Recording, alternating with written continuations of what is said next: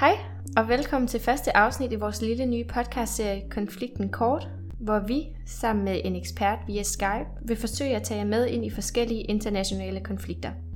Her vil vi stille skarp på, hvem der er med, hvad konflikten handler om, og hvordan udsigterne for en løsning ser eller kan se ud.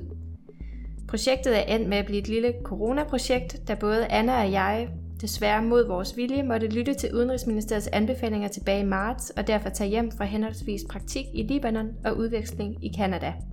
Vi stod derfor pludselig i Danmark med alverdens tid og manglede i den grad noget at lave, hvilket nu er endt ud i denne podcastserie. Vi hedder Julia og Anna, og vi er frivillige i RIGO, der står for Rådet for International Konfliktløsning.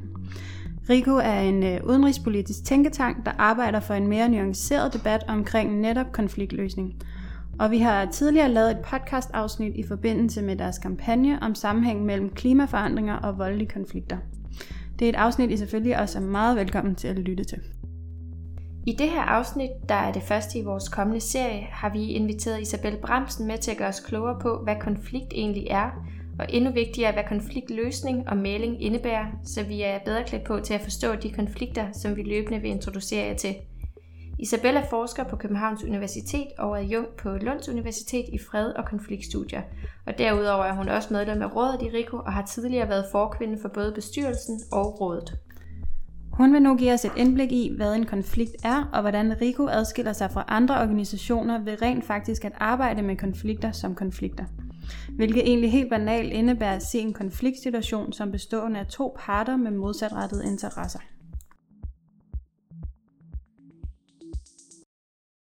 Det, der er særligt ved Rico, er, at vi ser en konflikt som en konflikt. Øh, så hvorimod mange medier og, og andre, måske organisationer og i politik, vil man bliver noget ofte ses som, at nogle andre er et problem, eller at øh, det er et sikkerhedsproblem, eller at Putin har øh, gjort indtog, eller har magtambitioner, øh, eller et eller andet. Altså, der er alle mulige måder at se, øh, hvad skal man sige, ting på, men det at, at se det som konflikt, gør i sig selv, at man ser, at der er mindst to sider af, af sagen. Øh, der er mindst to, øh, to parter, som, som har interesser, og som hvis handlinger påvirker hinanden, øh, så at sige. Så, så det vil sige, det er sådan det helt centrale først og fremmest at lægge mærke til, at noget rent faktisk er konflikt, og øh, ofte er den vej rundt faktisk også lægge mærke til, i hvilket omfang man selv måske er involveret i det, hvis det for eksempel, øh, hvis vi for eksempel snakker Rusland eller, eller andre lande, som, som Vesten eller Danmark øh, på sin vis faktisk øh, er involveret i. Så det, i at man ser det som, som en konflikt, så anerkender man også, at ens egen handlinger eller eventuelt oprustning øh, påvirker øh, modparten. Øh, når det så er sagt, så, vil, så har Rico ikke sådan en bestemt definition af konflikt, som alle i, i rådet, eller alle medlemmer, eller hvordan man nu vender og drejer det, skal, skal skrive under på, at sådan forstår vi konflikt. Altså, der kan godt være mange forståelser af, hvad en konflikt egentlig er. Øh, men, men, men grundessensen i, at der er mindst to parter, og at parternes handlinger øh, påvirker hinanden, er helt klar. Og hvis du så spørger, hvad, hvad er min opfattelse, min teoretisering af, af, hvad en konflikt er, så er noget først en konflikt, når, øh, når man handler på det. Så hvis, hvis der er undertrykkelse af enhver øh, form i, i forskellige samfund, øh, så er der nogen, der gerne vil se det som en konflikt, altså øh, lad os sige et autoritært regime eller så videre. Men jeg ser, øh, og jeg har skrevet en, øh, en bog sammen med Ole Væver omkring det, hvor vi prøver at sige, jamen det er først en konflikt, når, når, når folk gør oprør. Det er først en konflikt, når folk gør oprør, og de bliver mod, mødt med modstand. Altså en konflikt er øh, et nej, der følger et andet nej. Det er kun, når parterne ligesom går imod hinanden øh, med deres øh, handlinger, øh, og hvad det så medfører, at, at vi kan snakke om en konflikt. Så når, når parterne så går imod hinanden, så øh, øh, skaber det også spændinger og påvirker relationen. Og øh, interessant nok, øh, så kan man se konflikt som et særligt modus, som man ligesom kan gå ind i. Så når først man er i det modus, så ser man den anden part som, som en fjende, og som alt, hvad den anden part gør, øh, bliver ligesom set i det lys, at øh, så selv hvis den anden part egentlig forsøger at gøre noget, der er konstruktivt på en eller anden måde, eller komme ind i møde, så vil man ofte se de handlinger som, som et angreb, øh, fordi man er inde i det øh, modus, så at sige. Så det, det er bare en ret interessant dimension øh, til konflikt, som også er interessant, når vi kommer til konfliktløsning. Fordi selve det at se, at man er i en konflikt, kan være ret produktiv at se, at man er inde i det her modus, kan være ret øh, transformerende i sig selv for øh, konflikter, at man ligesom ser, og det er også det, øh, Rico i høj grad prøver at gøre øh, i danske medier, og ligesom øh, sætte øh, fokus på noget som en konflikt, altså sætte fokus på, at vi er inde i det her konflikt konfliktmodus, øh, i det omfang, øh, lad os sige, Danmark selv er, er involveret, øh, og dermed ser vi øh, kun Assad øh, som øh, et problem, og Assad må gå af før, altså Syriens øh, præsident, ikke? Mm. Assad må gå af, før at vi kan øh, have en fred. Det er ligesom, det ligger i den forståelse af, altså hvis man ikke har en, har en forståelse af konflikt, så, så, så ligger det ligesom i, at nå, det er den anden part, der er problemet, og, og vi er nødt til ligesom at fjerne den anden part, øh, for at kunne komme videre. Og det er bare enormt øh, ukonstruktivt for forhandlinger. Det Rico så øh, gør i mange tilfælde, er at komme med en konfliktanalyse. Altså mm. en analyse af noget som konflikt. Øh, så dels øh, ligesom afdække, hvad for nogle parter er, er involveret i den her konflikt. Øh, hvad er det for nogle interesser og behov og så videre, som parterne har og hvordan er det, deres handlinger påvirker hinanden, altså hvordan udvikler den her konflikt sig som en spiral, øh, og hvad er det så for nogle løsningsmuligheder, der er. Øh, og det, det er ikke for, at, at Rico nødvendigvis skal sige, sådan og sådan øh, skal en konflikt løses, men det kan være meget godt at komme med nogle, nogle muligheder for, hvor er der nogle åbninger. Altså, så konfliktløsning, som jeg ser det, handler i allerhøjeste grad om, om åbninger. Øh, mere om, om sådan, her er, sådan her er den helt rigtige løsning, men ligesom kigge efter, er der nogle parter, som, som har nogle konstruktive, øh, øh, en konstruktiv rolle at spille. Altså det er der ofte. Man øh, overser dem ofte i mange konflikter. Man ser kun øh, måske lederne af to øh, radikale øh, partier eller grupper eller hvad det er. Øh, og ser ikke, at der måske er, er grupper eller organisationer eller øh, individer i samfundet, som øh, som vil være enormt øh, konstruktiv og involvere øh, i forhold til fredelige løsninger. Øh, så det er også en vigtig del af det. Hvor, hvor er der nogle åbninger, hvor er der nogle folk, man på en eller anden måde vil kunne involvere for at få en mere moderat eller, eller konstruktiv øh, tilgang til konflikten. Som Isabel fortæller, så er noget først en konflikt, når der handles et nej på et andet nej. Altså når der fx gøres modstand mod et oprør. Derudover er det enormt vigtigt at forstå og arbejde med konflikter som konflikter, hvilket altså består i anerkendelsen af mindst to parter med modsatrettede interesser. Som Isabel fortæller, så er den store udfordring i konfliktløsning, at parterne ofte indgår i et modus af konflikt, altså hvor begge parter er så meget i konfliktmode, at de kun ser hinanden som fjender og hinandens træk som fjendtlige og konfliktoptrappende. En vigtig begyndelse i konfliktløsning er derfor blandt andet at få parterne til at indse, at de faktisk er i den her psykologiske tilstand af konflikt, og at det gør dem blinde for at se den andens træk som konstruktiv eller progressiv, hvilket gør en potentiel åbning for konfliktløsning meget besværlig. Et løsningsforslag, som Rico derfor foreslår, er at invitere en tredjepart, der kan agere mæler. det løsningsforslag, Rico i den ene eller den anden form ender med at komme med til øh, forskellige konflikter, er, at der skal involveres en tredje part. Fordi det kan være øh, en virkelig transformerende øh, ting at få en mailer ind over, fordi man involverer en tredje part, som ligesom ændrer dynamikken i konflikten. Og, øh, og ligesom få dialog i gang, fordi det er det, der er helt centralt i konfliktløsningen, at få parter til at at snakke sammen, i stedet for at bekæmpe hinanden på anden vis. Men hvad for nogle malere, der er øh, de bedste, det kommer meget an på, øh, hvad for en type konflikt øh, det drejer sig om. Så der er, øh, der er nogle konflikter, hvor det er givet, at, øh, at, at maleren øh, for eksempel ikke er, er helt øh, neutral, så at sige, eller helt upartisk, men faktisk på en eller anden måde øh, er, øh, har en vis har stakes, eller hvad skal man sige, øh, er involveret i konflikten på en eller anden vis. Det, det er der øh, forskning, der har vist, at det faktisk kan være givetigt for konfliktløsning, øh, at det for eksempel er et andet land, som er nabolandet, og som, øh, som mailer i konflikten, og øh, så kan man sige, nå, men er de så ikke lidt for involveret på en eller anden måde øh, i den givende konflikt? Øh, det er de selvfølgelig, men på den anden side, så dels så bliver en tredje part næsten altid alligevel opfattet lidt som øh, eller i hvert fald ret nemt, det er virkelig svært som tredjepart ikke at blive opfattet som en del af konflikten. Ja. Øh, men, men at det, at det er et naboland, kan faktisk være, være givet, fordi at så øh, har det land også en, en meget, meget stor interesse i, at konflikten øh, bliver løst, og den langvarige, hold, holdbar, bæredygtig løsning, der kommer ud af det. Øh, fordi at de øh, bliver påvirket af konflikten i så høj grad med flygtninge og hvad det nu ellers er. Øh, mangle handel.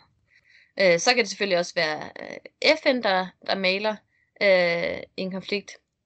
Men selv der vil der også øh, ofte være lande involveret, øh, som hjælper på den ene eller anden måde. Øh, men der er ikke noget forskning, der viser, om det er bedst, at det er lande, der, der maler, eller om det er øh, FN, der maler. Vi spurgte Isabelle, hvordan maling egentlig opstår, sådan helt lavpraktisk, hvor til hun nu vil fortælle mere om, at en naturlig del af maling er, at man skal inviteres af landet, der er i konflikt, eller af parterne, der er i konflikt, hvilket både har sine fordele og ulemper. Som eksempel inddrager hun Norge, der ofte modtager anerkendelse for deres deltagelse som maler i internationale konflikter. Ja, altså Norge de, øh, siger, at de altid bliver inv- inviteret af parterne. Men øh, lur mig, om ikke de ofte går ind til parterne og siger, øh, i, i, hvert fald i mange konflikter kunne jeg forestille mig, at de går hen og siger, øh, hvis I inviterer os, øh, så, så siger vi nok ja, eller noget i den stil.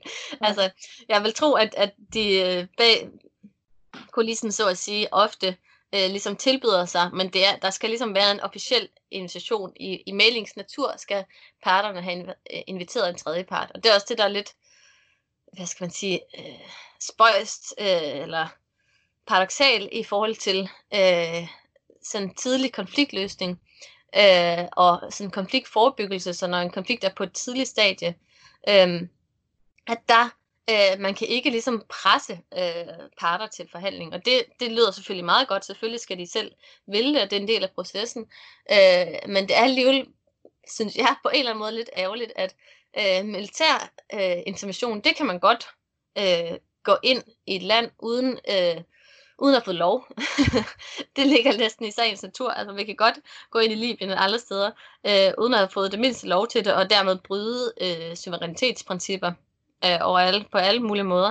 Øh, men man kan ikke gå ind og sige, nu har vi en, en konfliktforebyggelsesstyrke, som, som ikke går ind militært, men som lad os sige, skaber dialog på civilsamfund, eller, eller på anden vis, sådan ligesom, øh, øh, ja, prøver at observere, hvad for nogle øh, handlinger der måtte være, eller øh, skaber øh, forumer, hvor at, øh, parter kan mødes, eller hvor at, øh, det kan også være hver for sig, hvor parterne ligesom tænker over deres strategier om, hvordan de bedst kan løse konflikten selv, eller, øh, eller ikke volds øh, kurser, hvor at, lad os sige, det er ikke voldeligt oprør, og så at man træner ligesom øh, oprøret i, øh, i at bruge ikke-voldelige teknikker på den bedste måde, så de fortsætter med at være ikke-voldelige, eller så videre, så videre, så videre.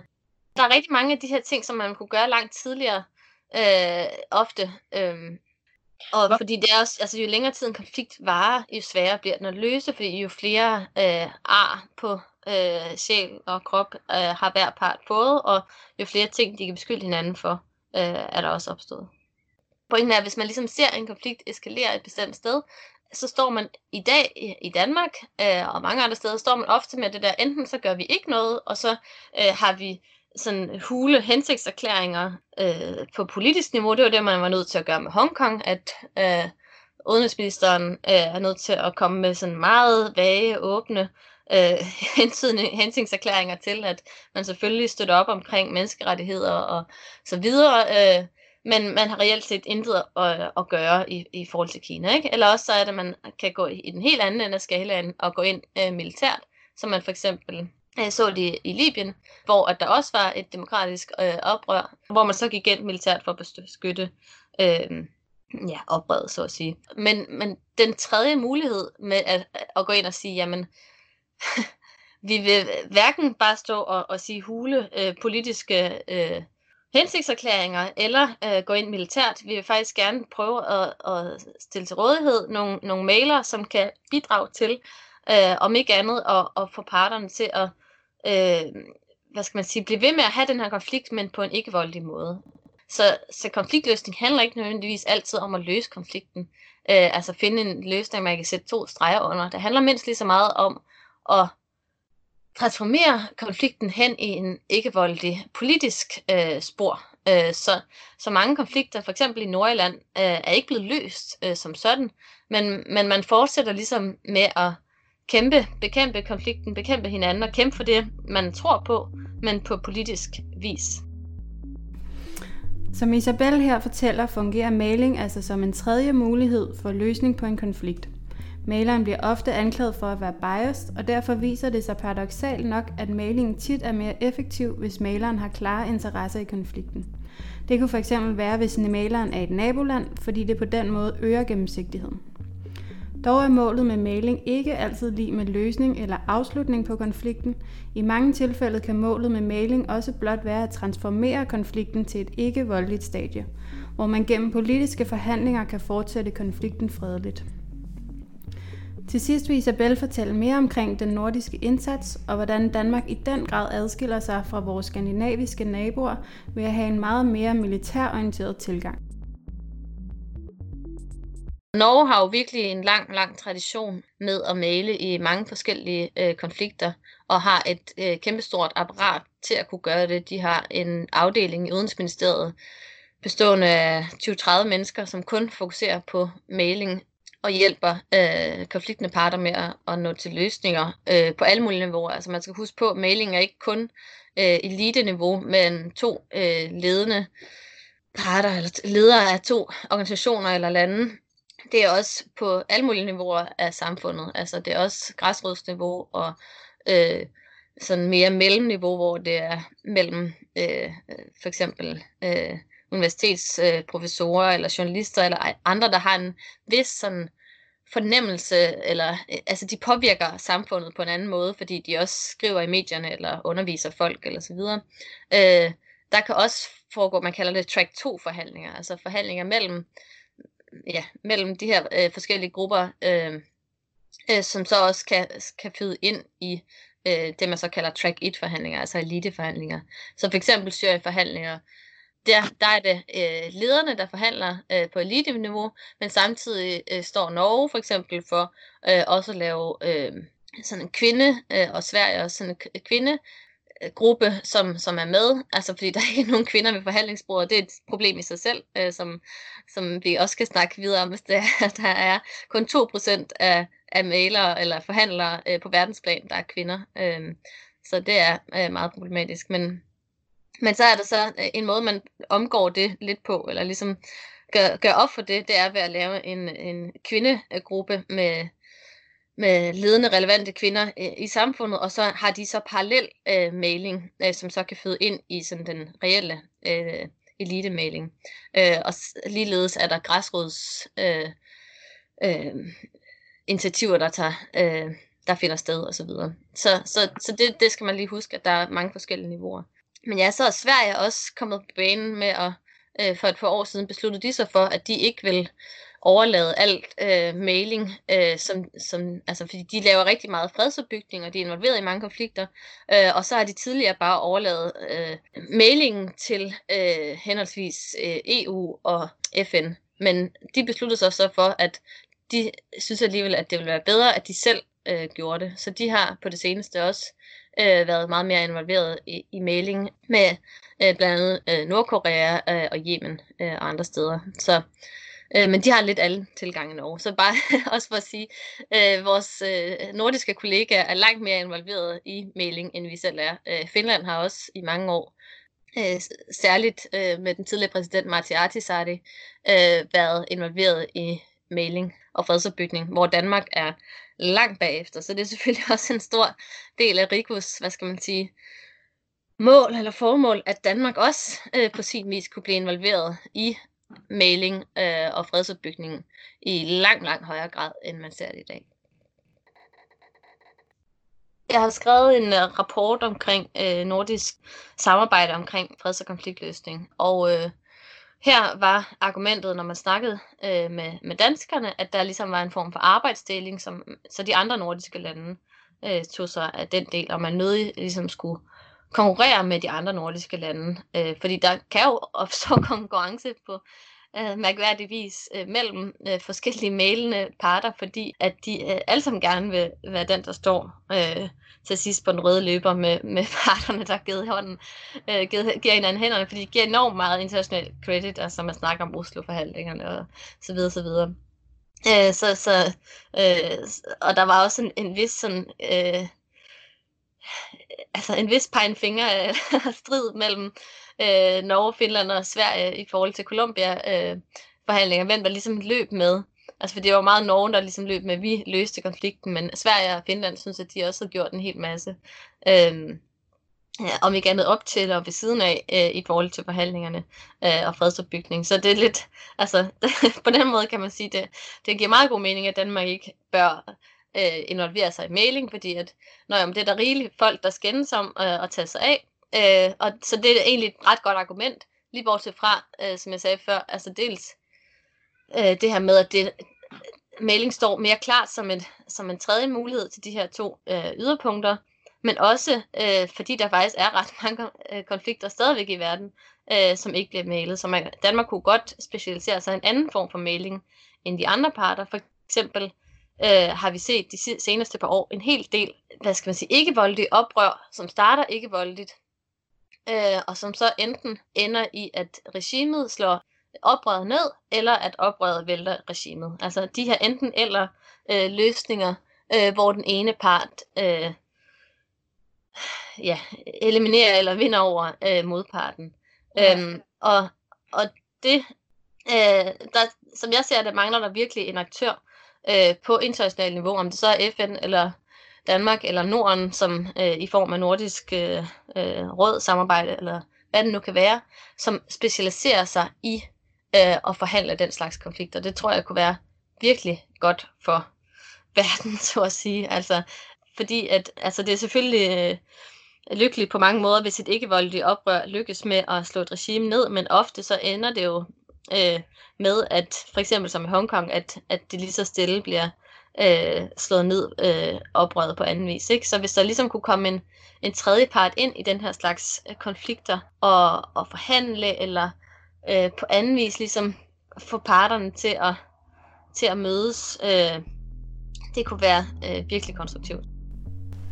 Som Isabel fortæller, er det altså Rikus håb, at Danmark med tiden i langt højere grad end i dag vil vælge den tredje mulighed og dermed engagere sig i international mailing og fredsopbygning, frem for at ty til enten vage hensigtserklæringer eller militære aktioner, som indtil nu har været Danmarks to primære tilgang. Det var alt for denne gang. Vi håber, I er blevet lidt klogere på, hvad en konflikt er, hvad den indebærer, og hvordan man på effektive måder kan løse eller afbøde dem.